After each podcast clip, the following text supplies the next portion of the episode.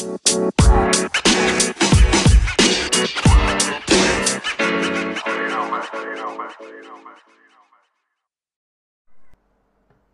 semuanya. Uh, Assalamualaikum warahmatullahi wabarakatuh.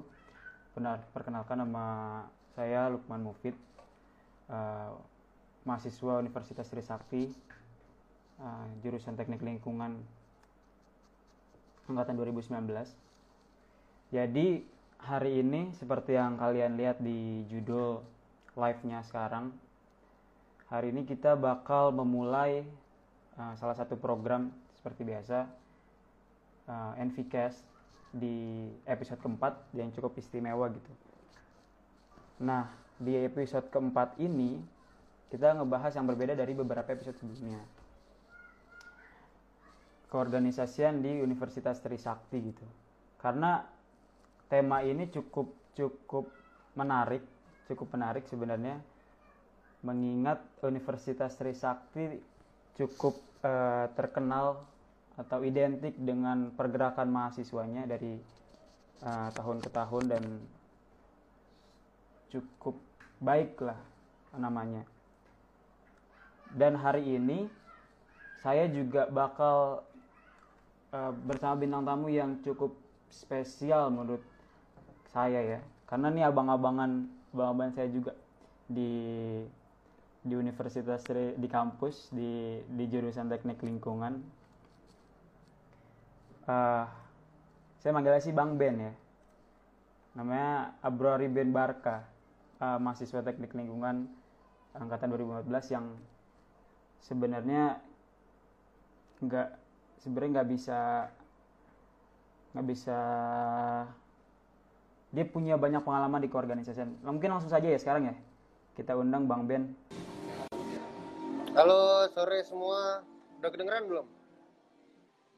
Apa kabar bang? Baik, sorry banget nih gue telat.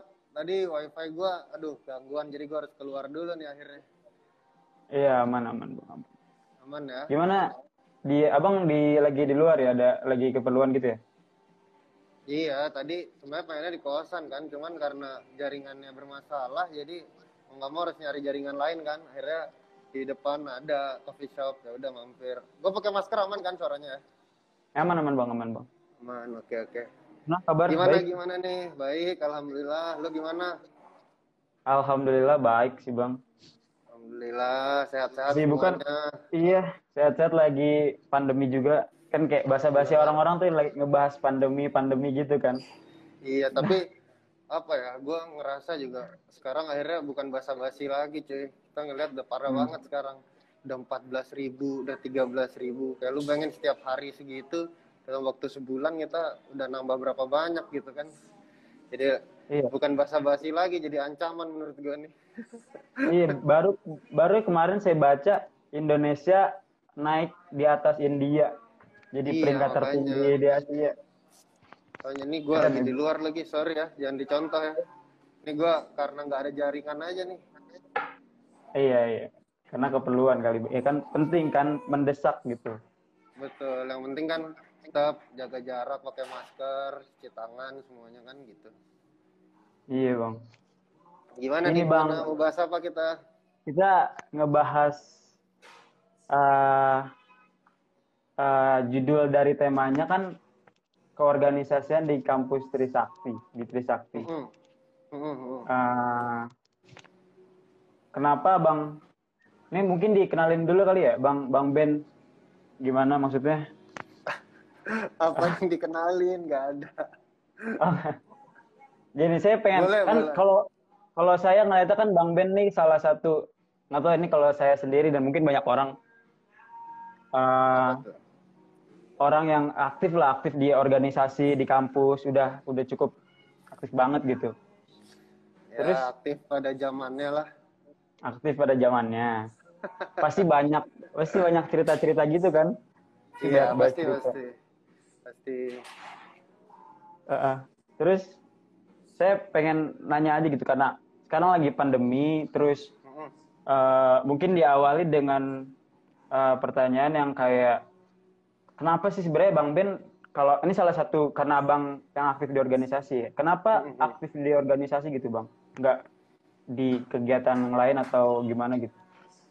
Oke. Apa alasan Oke. bang Ben gitu? Hmm, Jadi kalau misalkan kita tanya, ini sebenarnya menjadi pertanyaan yang sering, yang cukup sering ya ditanyain ke gua gitu. Eh, Hmm. Gue merasa orang-orang nanya, kenapa sih kita harus ikut organisasi? Gitu. Karena sebenarnya yang paling penting dari organisasi itu adalah bukan hanya kita ikut menjadi bagian dari organisasi tersebut ya, jadi pengurus, Hmm. jadi panitia program kerja. Sebenarnya tujuannya adalah bukan itu kalau menurut gua tujuan utama ikut organisasi itu adalah pengembangan diri sebenarnya. Kenapa gue bisa bilang pengembangan diri? Karena ketika kita ikut kadri, eh, kita ikut organisasi, otomatis kita akan mengikuti yang namanya kaderisasi dari organisasi tersebut gitu. Dan setiap organisasi pasti punya sistem kaderisasinya masing-masing gitu kan. Hmm. Itu kan akan menjadi masalah budaya dari organisasi tersebut. Cuman yang paling penting adalah proses kaderisasi itu sebenarnya. Karena di setiap proses kaderisasi pasti akan melibatkan yang pertama kali adalah public speaking. Gak mungkin kita ikut organisasi tanpa mengasah skill public speaking. Karena apa? Dalam organisasi itu kan yang paling menonjol adalah eh, kerjasama tim ya, teamwork gitu. Nah kita nggak akan mungkin bisa bekerja sama dengan baik kalau komunikasinya juga nggak baik gitu kan. Nah akhirnya public speaking itu adalah hal yang pertama karena ketika kita menguasai skill public speaking minimal kita tahu dasar-dasarnya itu akan menjadi dasar kita untuk berkomunikasi dengan yang lain baik secara personal maupun di depan umum gitu loh dan itu akan memudahkan kita untuk menjelaskan gagasan-gagasan kita semua gitu loh ketika kita punya suatu Hmm. gagasan kan kadang kita ada tuh beberapa. Pernah nggak sih merhatiin orang yang kadang kalau misalkan ngobrol terus dia bilang aduh gue susah nih mau ngejelasinnya. Eh, lu ngerti kan? Gitu kayak. Itu kan ujungnya telepati gitu kan nggak mungkin gitu loh. Kecuali kita udah punya chemistry yang kuat. Nah ketika kita belajar public speaking hal-hal seperti itu bisa diminimalisir lah. Nah itu hal-hal yang paling penting menurut gue ya public speaking. Karena gue juga belajar public speaking dari organisasi-organisasi yang gue pernah ikutin gitu. Yang kedua tadi udah gue jelasin teamwork dan yang ketiga sebenarnya adalah networking. Karena menurut gua networking itu hal yang penting ya. Sekarang gini deh eh, kita tahu misalnya kita di Universitas Trisakti ini kan perguruan tinggi swasta kan PTS ya. Akan eh, banyak stigma orang-orang mengatakan bahwa PTS itu di bawah PTN dan itu nggak kita pungkiri gitu kan mungkin dari segi akademik ya itu kan. Nah maksud gua apa yang membedakan satu orang dengan yang lainnya gitu? Menurut gua satu oke mungkin dari segi kecerdasan tapi nggak dipungkiri bahwa di PTS pun ada yang punya. Ada yang pintar-pintar banget ada gitu. Ada yang kumlaut ada yang bisa disandingkan lah dari segi akademik. Cuman memang uh, soft skill networking ini gitu loh ketika kita bisa menjalin komunikasi yang baik dengan orang bekerja sama dengan baik dengan orang itu akan menjadi bekal kita untuk menciptakan oh gue dulu pernah nih kerja bareng sama dia gitu dan kerjaannya bagus kok gitu. Hmm. dia menguasai hal A B C D gitu Ya, itu kan akan menjadi apa ya eh, marketing dari diri kita sendiri ya secara nggak langsung dari orang ke orang lain gitu tanpa perlu kita untuk menyampaikan apa sih yang kita bisa gitu kan gitu jadi kalau menurut gua Iya, iya. kalau ditanya apa ya yang penting eh, kenapa organisasi itu penting penting karena banyak sekali soft skill soft skill eh, sebutannya soft skill ya. Tapi menurut gua banyak sekali hal-hal yang nggak diajarkan di ruang kelas itu diajarkan di organisasi. Jadi memang nggak di bukan bukan berarti hanya organisasi yang penting kelas nggak penting gitu. Ya enggak gitu kan. Eh, belajar di ruang kelas itu penting. Tapi kalau nggak didukung dengan soft skill ijazah yang kita miliki itu hanya mengantarkan kita ke meja wawancara gitu kan. Setelah itu kalau Betul. wawancara kita nggak bisa public speaking ya KO juga buat apa gitu kan jadi kan akan Iya. lebih baik kalau kita menguasai semuanya gitu loh akademik kita oke organisasi kita udah belajar banyak dan itu akan mengantarkan kita ke gerbang yang lebih baik gitu kan ke depannya gitu sih menurut gua Iya. Ya itu kayak alasan ya kan maksudnya kenapa orang-orang pada nanya eh, kenapa sih pada organisasi itu itu keuntungannya itu yang kita dapat kan Mm-mm. Mm. menurut Bang Bin juga. Sebenarnya pasti di setiap kalau kita mau growing, kalau mau kita mau jadi kayak kita mau dapat skill baru kan, itu kita harus Mhm. dapetin kayak tadi Bang Ben sempat eh, nyinggung kaderisasi pengembangan diri gitu. Mm-mm. Itu kan berarti harus ada harus ada persiapan kan gak mungkin gampang kan maksudnya ada beberapa hal yang harus dilakuin gitu kalau menurut bang Ben nih buat orang-orang Hmm. misalnya yang belum masuk organisasi tapi Hmm. Pengen itu apa yang harus disiapin gitu biar mungkin gak gampang nyerah atau gimana gitu Oke, Eh, sebenarnya pada intinya adalah bukan apa yang disiapin sih ya. Kalau disiapin Hmm. sebenarnya, kalau menurut gua apa ya? Yang penting kita membuka diri untuk belajar hal yang baru gitu loh. Karena percuma gitu ketika kita merasa oke, gue coba organisasi gitu. Tapi pas diajarin, oke ini yang diajarin ya value-nya adalah A B C D. Lo merasa bahwa value yang ini kayaknya gue nggak perlu deh. Ya di situ lo udah menutup diri lo untuk mendapatkan ilmu yang baru gitu loh. Padahal ketika lo dapat Hmm. perspektif yang baru kan di situ kan self developmentnya dari organisasi itu sendiri gitu loh. Makanya Hmm. jadi kalau ditanya apa yang perlu disiapin? Yang penting harus membuka pikiran untuk mendapatkan ilmu-ilmu yang baru gitu loh. Open minded lah bahasanya. Anjay open minded ya tuh open minded ya selalu berkembang kan kayak penasaran gue aduh pengen pengen bisa ini pengen bisa itu kalau Nah. kalau gampang nyerah ngapain masuk orga maksudnya masuk organisasi kan buat berkembang ya kalau gampang nyerah ya ya, ya ya jangan jangan gampang nyerah gitu Iya, benar-benar. Ini Iya, kita iya. boleh Kan Bang Ben- nyapa-nyapa nggak sih yang di chat nih? Banyak banget. oh iya boleh dong boleh dong Thank you semuanya, Mbak. banyak banget nih. banyak banget yang manggil bang Iya. Ben ya Ada Dam Dimas, nah, ini ketua regional Inti sekarang nih, regional 2. Ada Hmm. keren banget Bang Ben, ada Kintan, ada Pak Presiden, Ra Andi, Abang Ben top. Wah, ini ada Bang Job. Wah, salah Bang Rido. Terus ada Katika, selamat sore Katika. Waduh, banyak banget nih. Nah, ya ini salah satu salah satu bisa dibilang kayak salah satu apa yang dapetin dari organisasi kali ya. Jadi banyak yang Eh, nyapa kali. Networking. Iya, iya networking benar. Bagian Networking. dari networking. Benar-benar. Hmm. Bener bener. Kayak kan Bang Ben kayak tadi masuk. Jadi bisa dibilang Bang Ben tuh aktif di organisasi kampus kan. Oh, Kalau boleh tahu Bang Bang Ben aktif di apa aja sih Bang? Pas masih di zamannya misal. di zamannya gua pernah kalau di CV gua cuma taruh satu itu gua pernah jadi koordinator komisi 2 kesejahteraan mahasiswa di Kongres Mahasiswa. Hmm. Terus gua pernah jadi ketua UKM Marching Band Trisakti. Habis Hmm. itu gua terakhir itu ketua departemen P3O di himpunan kita. KMTL Trisakti. Itu yang dimasukin CV. Yang- Iya, karena ya itu doang adanya. Tapi kayak di luar di luar itu aktif di belakang layar gitu-gitu kayaknya kayak Bang Ben aduh panutan Oh, lah. Karena enggak sih, karena apa ya? Yang tadi gue bilang kan pada intinya adalah kita masuk organisasi itu pengen belajar ya. Jadi gue sistemnya gue nggak pengen belajar satu hal yang akhirnya itu itu aja yang gue pelajarin. Gue pengen pelajari kalau bisa gue pelajarin semua kenapa enggak gitu kan kenapa harus satu gitu. Akhirnya ya gue cobalah buat ikut semuanya segala macam gue pelajarin sistemnya apa plus minusnya gitu. Jadi kan kita tahu kan gitu. Bang, Ben panutan Q. Terima kasih Katika nih panutan gua nih. Banyak ngasih ilmu-ilmu nih dulu ke gua nih waktu kaderisasi nih Katika nih. Hai. Tapi Bang kan Hmm. kan kayak tadi sempat dibilang uh, PTS PTS itu uh, kayak Trisakti cukup terkenal gitu maksud organisasinya. Kalau Mm-mm. kan Abang juga sebenarnya organisasinya di luar kampus juga ada kan. Kalau Abang ngelihat nih di Trisakti sama di luar beda beda bedanya apa tuh? Ada bedanya nggak atau gimana? Eh, sebenarnya setiap organisasi pasti berbeda ya. Karena tadi gue bilang kan sistem satu sistem berbeda, dua kaderisasinya berbeda, terus juga yang ketiga mungkin eh, budayanya berbeda gitu ya. Tapi kalau yang paling mencolok itu sebenarnya kaderisasinya sih di Trisakti. Emang agak unik kan di Trisakti itu.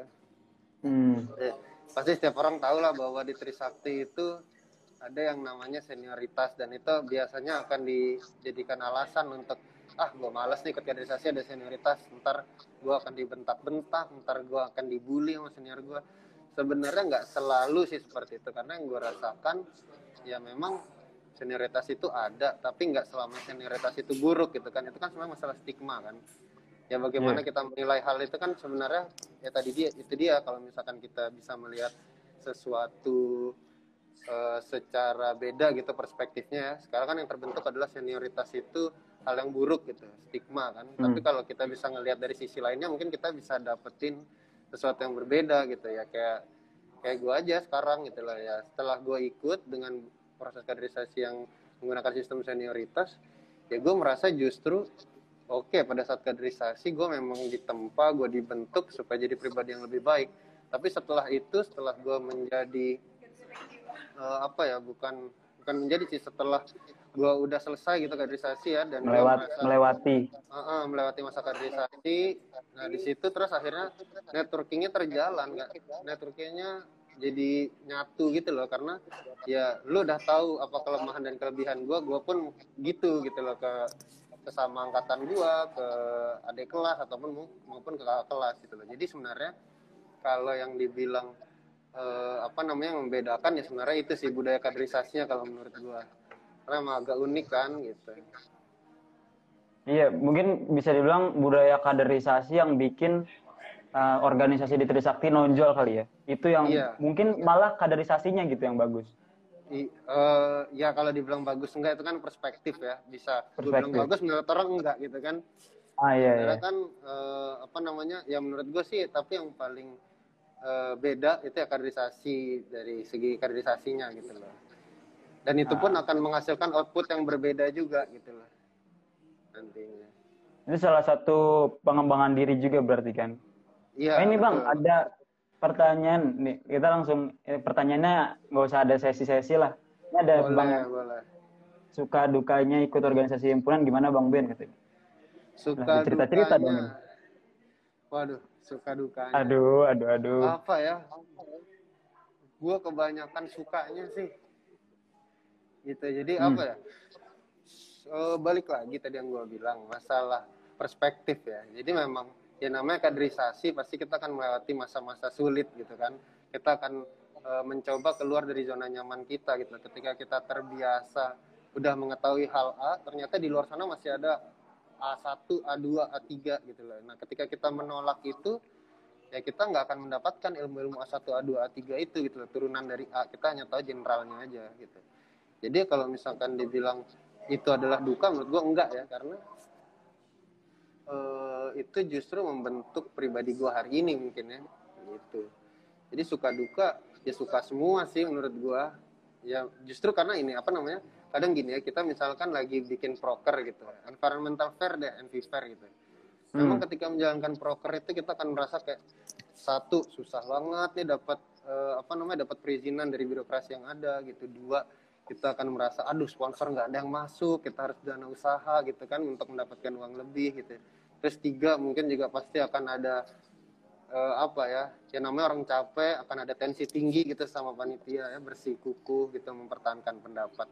Tapi justru menurut gua hal-hal seperti itu yang mendewasakan kita gitu loh ketika nanti kita ada di posisi itu kita udah tahu oh gue udah tahu nih gue harus ngapain gitu loh dan ketika kita salah pun kita tahu bahwa oke gue salah next gue nggak usah ulangin lagi gitu kan gitu.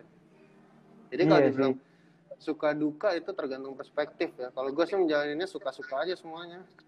Karena Kalau semua dibawa- bakal dapat outputnya juga kan, maksudnya. betul. Kalau Iya, dibawa susah ntar malah beban nggak maksimal.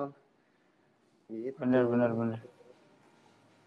Ini eh, ada pertanyaan lagi nih bang.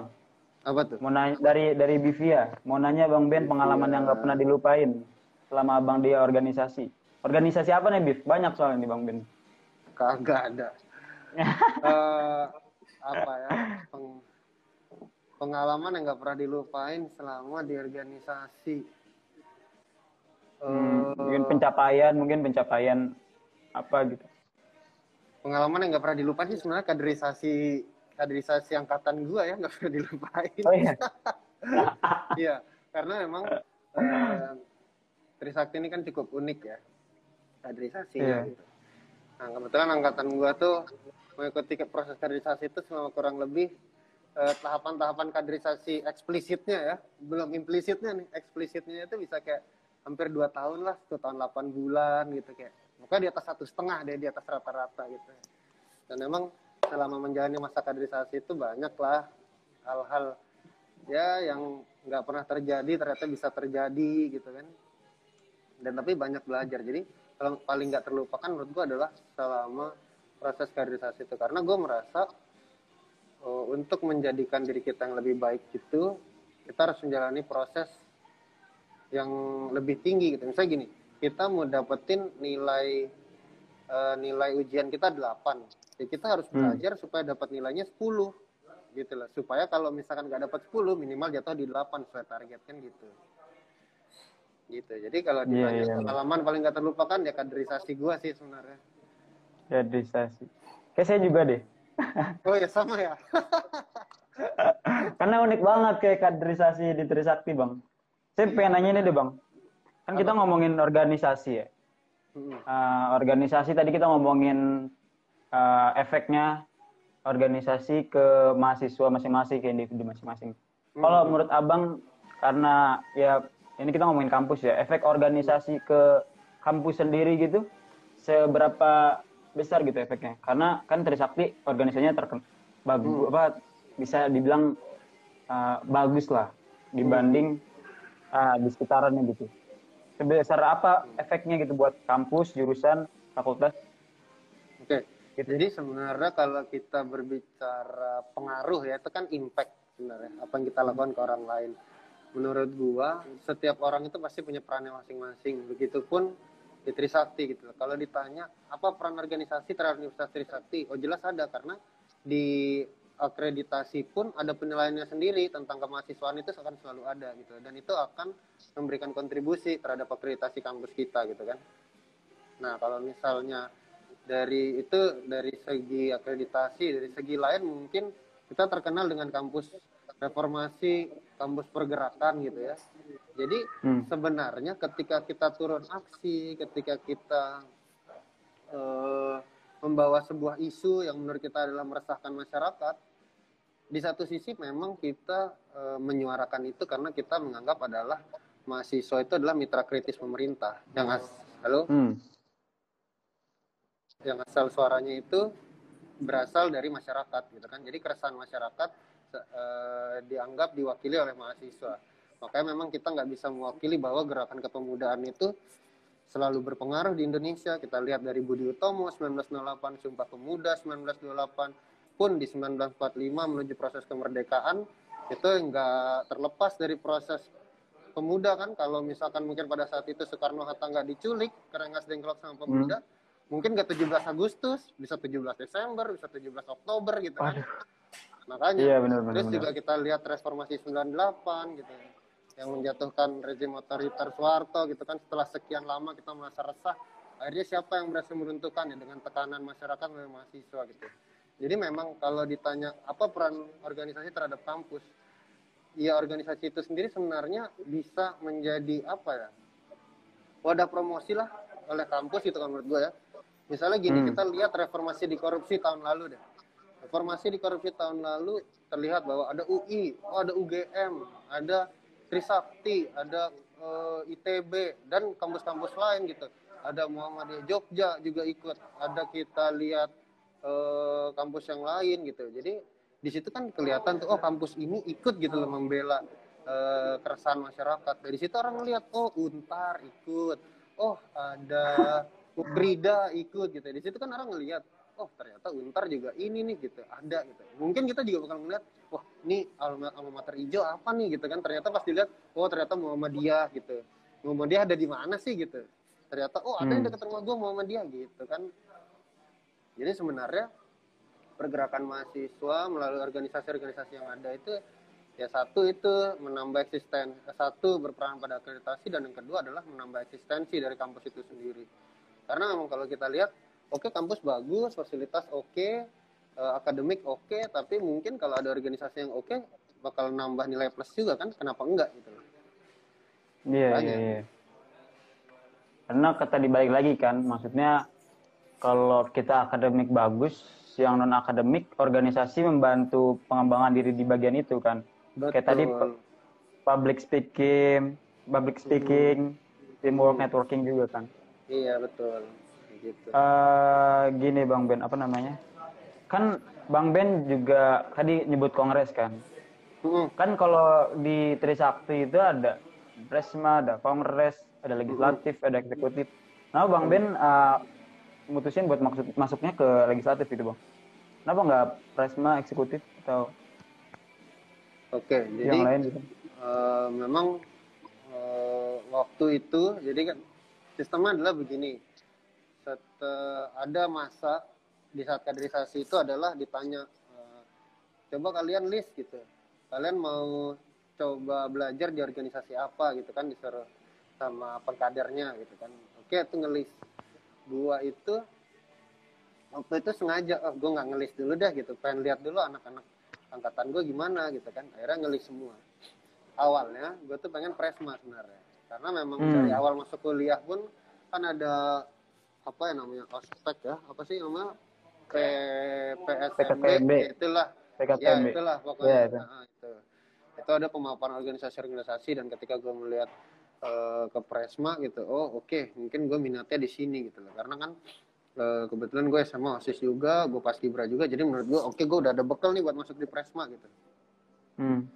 akhirnya gue masuk gue mau coba di situ tapi gue nahan dulu gitu.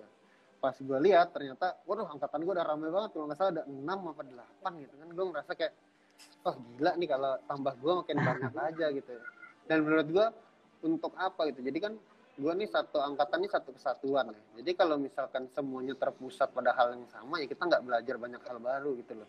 Kayak misalnya semuanya presma semuanya presma dan bem gitu. Ya terus nanti yang ngisi untuk kekosongan di parlemen dan kongres gimana gitu. Sedangkan kan semua itu berkesinambungan dalam satu hierarki gitu kan. Makanya iya, gue iya. bilang akhirnya waktu itu di kongres cuma ada satu orang. Gue bilang oh ternyata di kongres kita dapat eh, slot ada dua nih. Kenapa nggak kongres aja? Gitu. Atau juga gue merasa gue tertarik di bidang eh, hukum gitu ya. Maksudnya kan karena legislatif itu ada bagian dari legislasi gitu kan. Ada aspirasinya Hmm. gitu. Gue bilang oke akhirnya gue coba gitu lah Ah, iya iya. Kita itu eh, tadi kita nyebut Kongres Presma. Eh, kan Abang emang masuk di legislatif ya, parlemen, Kongres juga. Eh, kalau karena Abang udah masuk ke situ, menurut Abang di situ tantangannya sendiri gitu dari dari pres eh, dari Kongres dan parlemen legislatif itu apa sih? Eh, tantangannya adalah sebenarnya begini lembaga legislatif itu kan lembaga perwakilan rakyat ya seharusnya ya. Hmm. lembaga perwakilan masyarakat. Jadi emang tantangan terberatnya adalah ketika kalian masuk, ya amanah kalian adalah bisa nggak kalian sebagai wakil rakyat menyuarakan suara rakyatnya gitu kan. Bukan kepentingan kalian, bukan kepentingan organisasi kalian, tapi kepentingan dari rakyat kalian sebenarnya apa gitu. Misalnya contoh gua, waktu itu gua adalah perwakilan ke Kongres dari Fakultas Arsitektur Lanskap dan Teknologi Lingkungan dari FALTL. Ah. Setiap fakultas itu cuma punya jatah 5 dan gua salah satunya. Nah di situ ya gue harus eh, tanggung jawabnya adalah ya gue harus membawa kepentingan MM ValTL gitu. Masyarakat mahasiswa ValTL bisa terakomodir nggak dengan kehadiran gue di kongres gitu loh.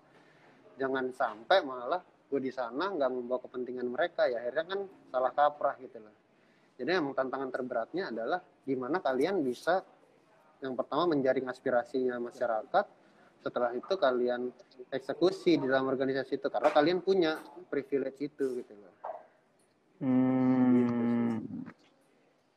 Gitu ya, Bang. Mm-mm. Ah, kalau ah, dari dari misal tadi kita ngomongin tantangan bang, beda apa misal contoh contoh pengembangan diri yang beneran ngefek gitu misalnya, duh gue sebelum masuk begini, terus pas keluar dari kongres itu langsung berasa gitu ah, impactnya dari pengembangan dirinya. Kalau gua sih merasa ini ya apa namanya memang di kongres mahasiswa dan parlemen mahasiswa di Trisakti itu kan eh, jenisnya dua gitu. Kita kan tahu trias politika di Indonesia ya ada eksekutif legislatif dan yudikatif. Eksekutif di Trisakti itu ya ada kepresma ada badan eksekutif mahasiswa di tingkat fakultas gitu loh. Dan eh, untuk legislatifnya itu ada parlemen mahasiswa dan kongres mahasiswa. Nah lembaga legislatif ini merangkap sebagai badan semi yudikatif. Makanya ada yang namanya Komisi 5, Komisi Disipliner gitu. Nah, eh, apa namanya? Kalau pengembangan diri yang gua dapet yang kelihatan banget gitu ya pengaruhnya setelah gue masuk sama enggak yang pertama sih ilmu-ilmu legislatif sih legislatif dan semi yudikatif itu nggak akan jauh-jauh sama yang namanya sistem mekanisme sidang sistem mekanisme sidang uh, jadi memang tata cara bersidang itu kan nggak semua orang bisa ya maksudnya mungkin semua orang bisa dapat ilmunya tapi nggak semua orang bisa mengimplementasikan itu sih yang paling gua dapat banget jadi mekanisme sidang itu jadi terbiasa karena memang sehari-harinya kita menggunakan mekanisme itu untuk uh, rapat maupun musyawarah gitu. Itu. Terus yang kedua hmm. adalah bagaimana gua uh, belajar apa ya? Gue nyebutnya sih baca orang gitu. Gimana apa ya namanya? Jadi misalnya gue ngeliat nih, oh si A ah. dia bawa kepentingan A gitu. Si B bawa kepentingan B. Nah, nanti akhirnya di dalam forum bagaimana cara mereka mempertahankan pendapat, bagaimana mereka negosiasi gitu kan karena kan itu bagian dari manajemen forum yang harus dilaksanakan untuk mencapai tujuan kita gitu kan nah makanya di situ akan banyak belajar sih gue gimana sih caranya kita apakah ketika kita punya suatu kepentingan itu harus kita keluarkan secara agresif gitu atau memang kita coba lempar dulu ke floor kita tes ombak atau memang kita melihat kondisinya oh kita bisa jaring dulu kira-kira bisa masuk apa enggak gitu kan. Itu kan ada cara-caranya sendiri kan. Dan hmm. itu masalah itu masalah experience sih menurut gua karena nggak semua orang bisa membaca itu gitu. Iya iya iya. Itu salah satu yang kayak menurut saya juga penting banget gitu bisa bisa membaca keadaan bisa membaca apa tujuan orang gitu-gitu ya. Itu iya benar. Benar banget. kayak organisasi benar-benar membantu banget gitu ya buat kehidupan itu kehidupan sehari-hari juga bisa berarti kan maksudnya kayak kehidupan iya benar. kehidupan sehari-hari itu bisa karena memang dasarnya manusia adalah makhluk sosial kan. Jadi otomatis mereka akan bersosialisasi gitu. Dan manusia hmm. itu pasti punya suatu keinginan. Untuk mencapai keinginannya mereka itu pasti akan berpolitik gitu. Loh jadi makanya gue agak uh, kurang suka stigma orang yang bilang ah gue nggak mau ikut campur politik gitu karena secara nggak sadar kalian pun sebenarnya berpolitik dalam hidup kalian sendiri gitu dan secara nggak sadar kalian ber, kalian adalah bagian dari politik itu sendiri, dari sistem politik itu sendiri gitu loh. Dan itu kan nggak terpisahkan ketika kita memang berada di organisasi. Kita punya kepentingan apa, yang lain punya kepentingan apa ya. Di situ kita akan bersosialisasi dan berpolitik untuk mendapatkan titik tengahnya apa gitu. Mungkin bisa jadi ya. lu punya pendapat A, gue punya B. Ternyata yang kita dapetin bisa A, bisa B, atau kita ketemu jalan di tengahnya malah C yang menguntungkan lu dan gue gitu kan. Iya, iya. Seru, seru banget ya. Ini iya. mungkin aja salah satu ya harga mahalnya organisasi gitu. Jadi pengalamannya banyak bisa diceritain uh, Betul. ke sana sini gitu kan. Betul. Kalau dari tadi kita iya gimana? Memang uh, yang paling yang paling kecil ya yang bisa kita dapat tuh adalah experience gitu. Karena emang semua itu kan akan ditentukan oleh pengalaman ya. Pengalaman kan guru terbaik gitu. Jadi ya kalau misalkan ditanya hmm. apa sih yang lu dapat capek doang gitu ya iya gue capek tapi capek gue jadi pengalaman sesuatu lu capek ngapain gitu kan iya gitu karena memang stigmanya kan gitu anak-anak yang aktif itu ada yang bilang kura-kura kuliah rapat kuliah rapat iya.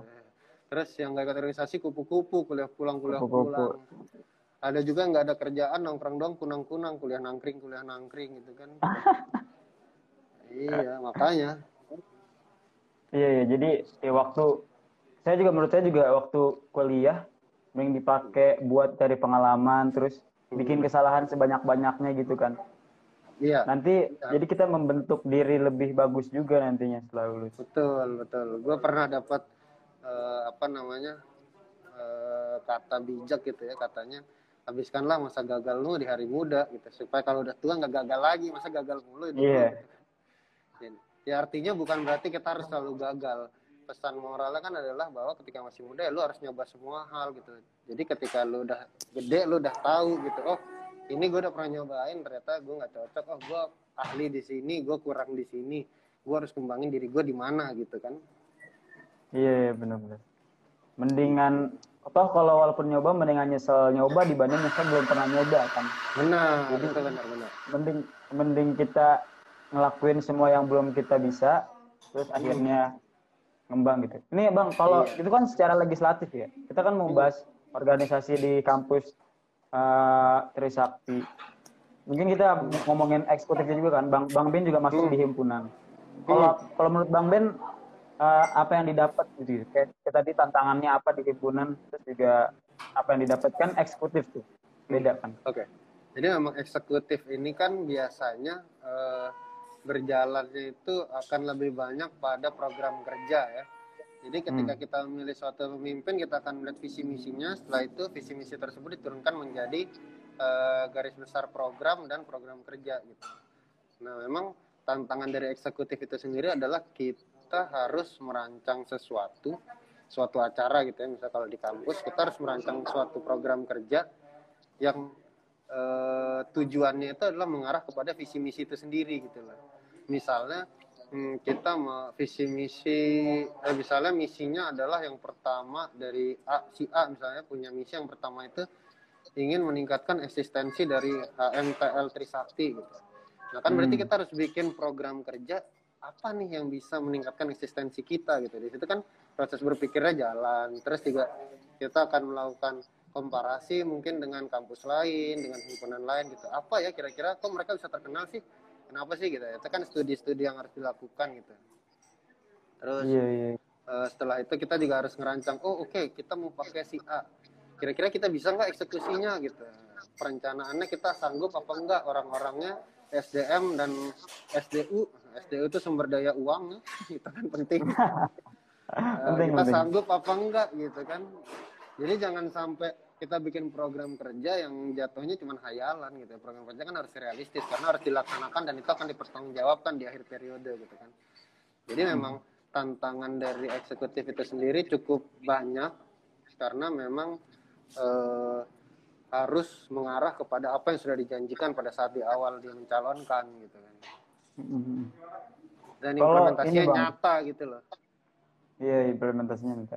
Kalau kita tadi sempat apa mencalonkan, berarti kan kita ngomongin kepemimpinan gitu ya. Di organisasi juga nggak jauh-jauh dari kepemimpinan diri sendiri, kepemimpinan orang lain. Hmm. Se kalau dari menurut kalau abang eh, di abang sendiri, efek kepemimpinan sekarang organisasi itu se- seberapa impactnya, segede apa impactnya organisasi buat kepemimpinan eh, dari bang Ben sendiri? Kalau menurut bang Ben?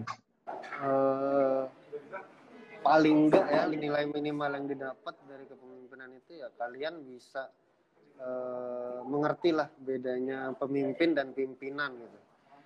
Hmm. Paling enggak minimal itu. Kalian tahu pimpinan itu ya misalnya kayak eh, ada pekerjaan gitu. Terus gue punya kerjaan, gue kasih ke lu gitu. Nah, kalau gue sebagai pimpinan gue akan bilang lu bawahan gue, lu kerjain itu ya gitu. Tapi kalau misalnya gue pemimpin, gue akan bilang, ini ada kerjaan buat lu, lu bisa apa enggak? Gitu. Oh nggak bisa, lu nggak bisanya di mana gitu. Ini gue bantu deh, tapi besok lu kerjain sendiri ya, jangan gue bantu lagi gitu. Jadi memang Hmm.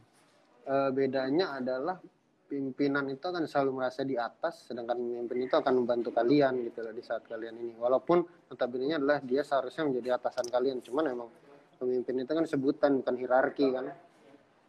Gitu. Iya. iya. Terus yang lainnya itu dari kepemimpinan paling enggak ya kalian tahu gitu. Jadi pemimpin yang ideal itu gimana sih gitu.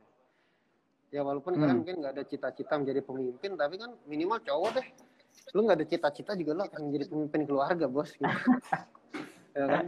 Ya kalau Iya. kalau cewek juga misalnya nih, lu nikah sama anak jenderal mau nggak mau kan lu akan menjadi eh, pimpinan apa kek gerakan wanita angkatan darat kek apa kek gitu kan gitu-gitu secara nggak langsung Iya. akan terbawa. Dan ada baiknya emang kita mempersiapkan itu gitu kan. Kalau bisa dari muda kenapa enggak? Kenapa harus nanti gitu kan? Iya iya benar benar. memang memang kita nggak pernah tahu karena kesempatan itu bisa datang dari segala arah ya menurut gua.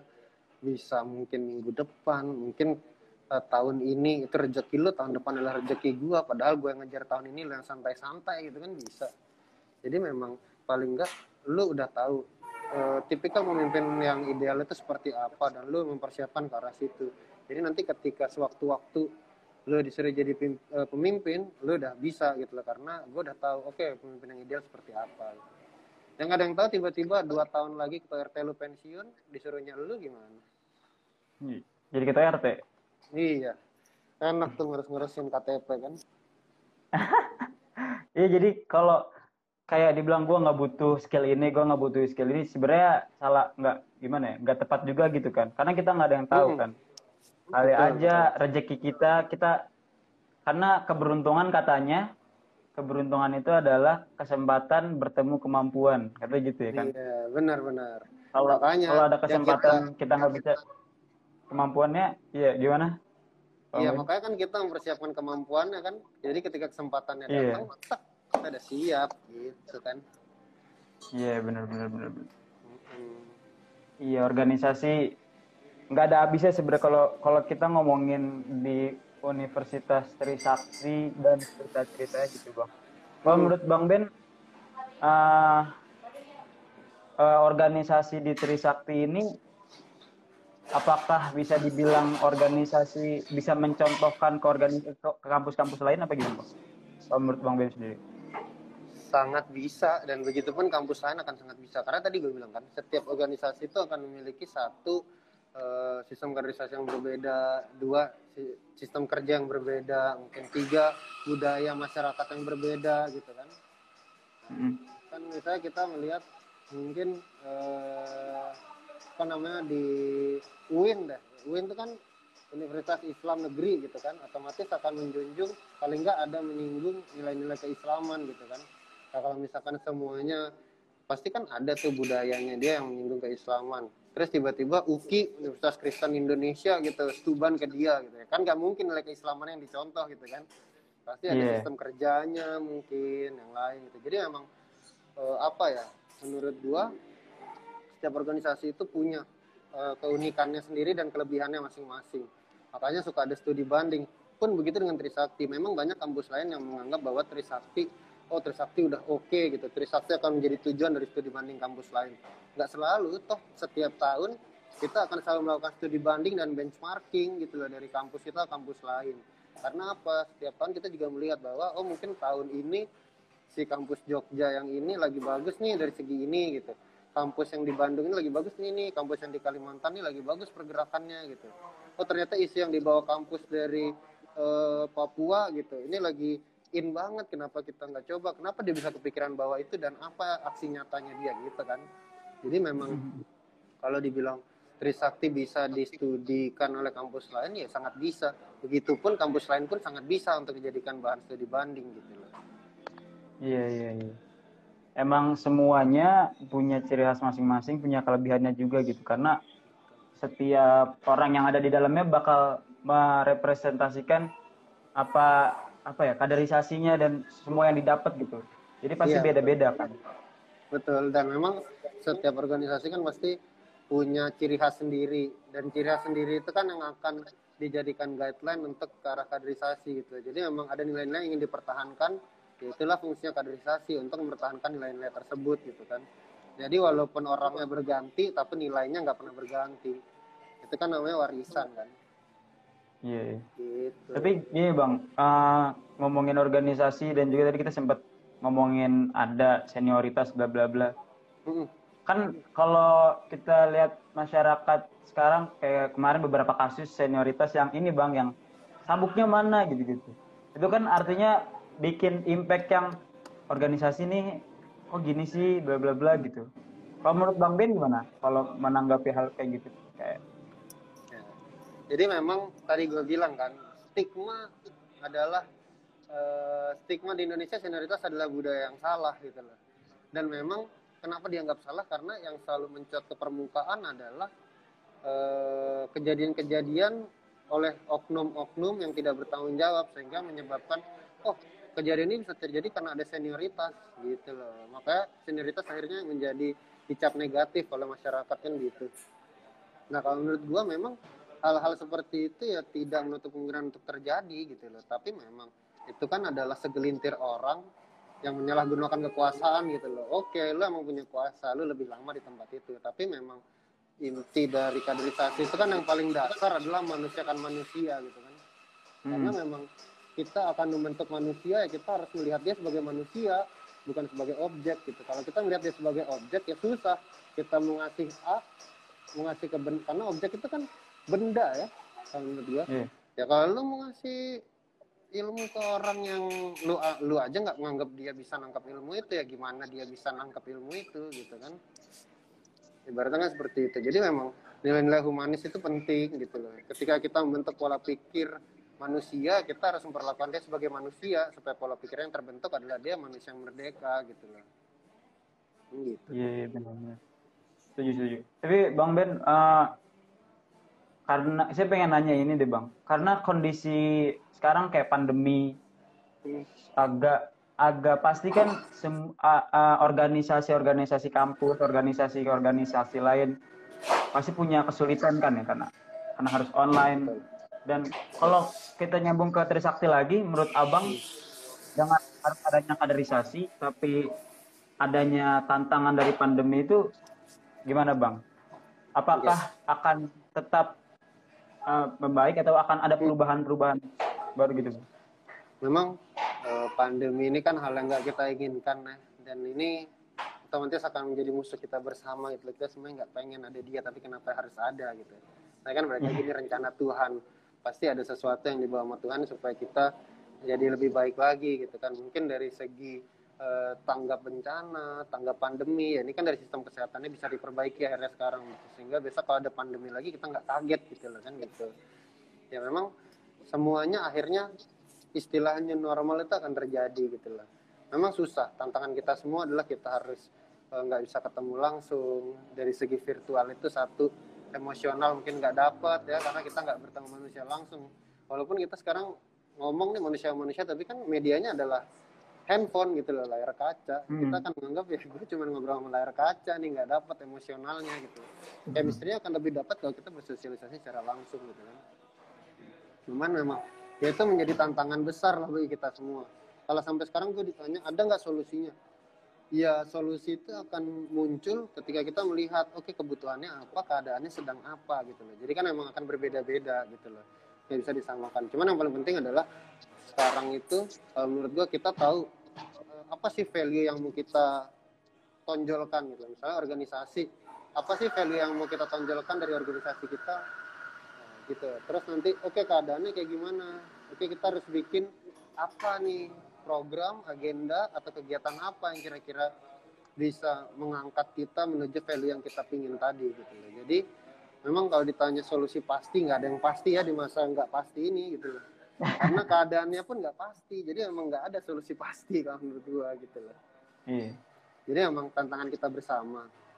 Yang penting itu tadi kita tahu yang kita inginkan apa yang kita butuhkan dan kita melihat keadaannya memungkinkan nggak untuk itu. Dan kita harus menjadi realistis sih sebenarnya. Tantangannya itu. Ketika kita melihat keadaan yang sekarang oke okay, nggak realistis untuk kita ketemu langsung ya apa medianya gitu loh. Kan gitu.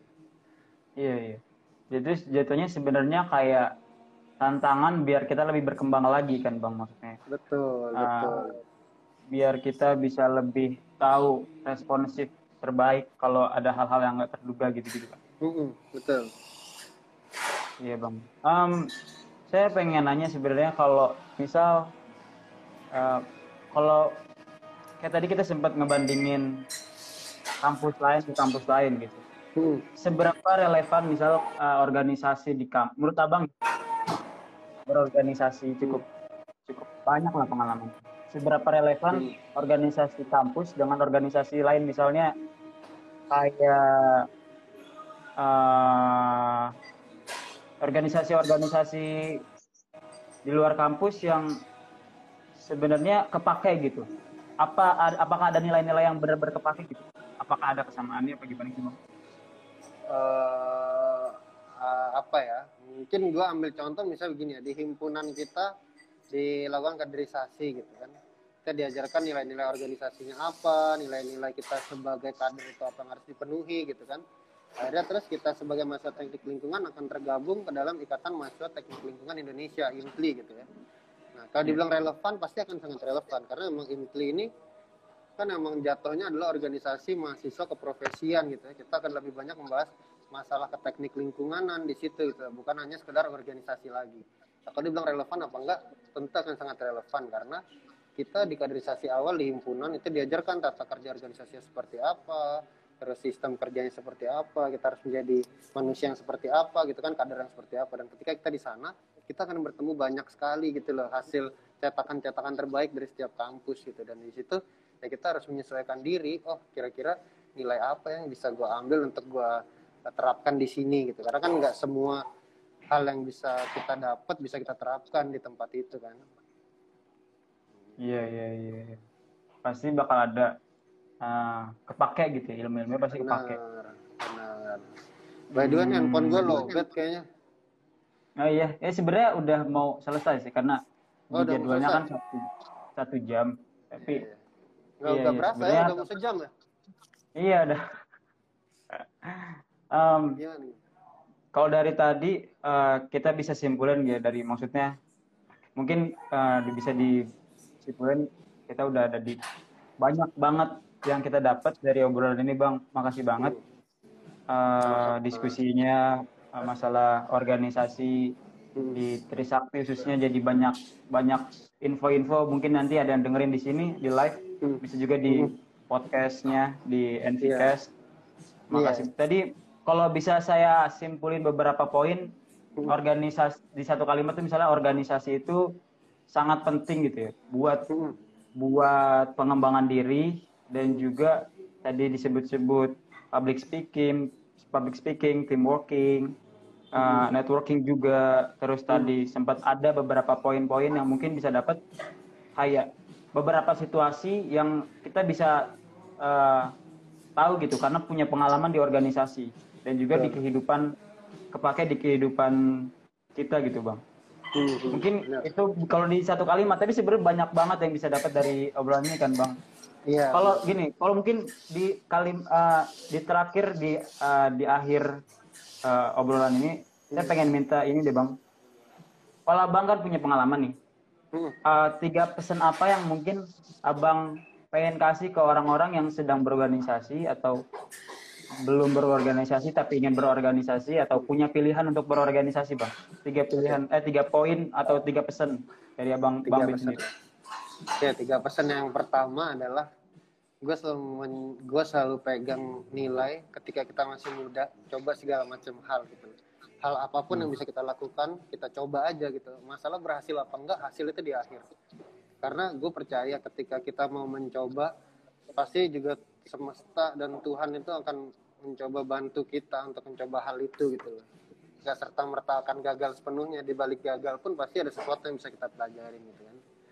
Itu yang pertama. Yang kedua ketika kalian mencoba jangan pernah nyerah ketika kalian merasa kalian udah capek gitu loh kalian tuh harus berhenti ketika kalian udah merasa selesai bukan berhenti ketika kalian merasa capek gitu loh. Jadi kalau merasa kalian ngelihat oh belum selesai nih prosesnya ya jangan berhenti gitu loh. Lo harus berhenti kalau lu udah selesai. Nggak apa-apa lu banyak-banyak berdarah-darah maksudnya dalam arti e, ditempa gitu ya semua. Maksudnya lu nggak terbiasa diginiin tapi gua harus diginiin gitu. Nggak terbiasa mikir A tapi lu harus mikir A gitu. Itu kan hal yang berat gitu loh. Tapi ya percaya aja bahwa proses nggak pernah mengkhianati hasil sih menurut gua percaya itu sama yang iya. terakhir ya. jangan lupa uh, yang paling penting dari organisasi itu adalah regenerasi gitu jadi ketika kalian sudah mendapatkan suatu ilmu jangan sungkan untuk bagi itu sama orang lain gitu loh karena menurut gua satu kebaikan akan menjadi dua kebaikan, dua akan jadi empat, empat akan jadi delapan kan begitu ya, kayak mutasi bakteri dan virus gitu loh. Akan jadi sangat cepat ya selama kalian punya ilmu bagiin aja ke siapa pun. Tapi jangan maksain gitu. Maksudnya ketika kalian punya ilmu dan orang lain nanya saran ya kalian kasih gitu. Kenapa enggak? Indahnya berbagi lah. Itu sih kalau dari gua tiga pesan. Iya. Keren sih bang. Maksudnya tiga pesan ini pasti bakal bakal berguna banget. Uh, mungkin untuk orang-orang yang dengerin ini juga. Amin. makasih banget sih bang. semoga.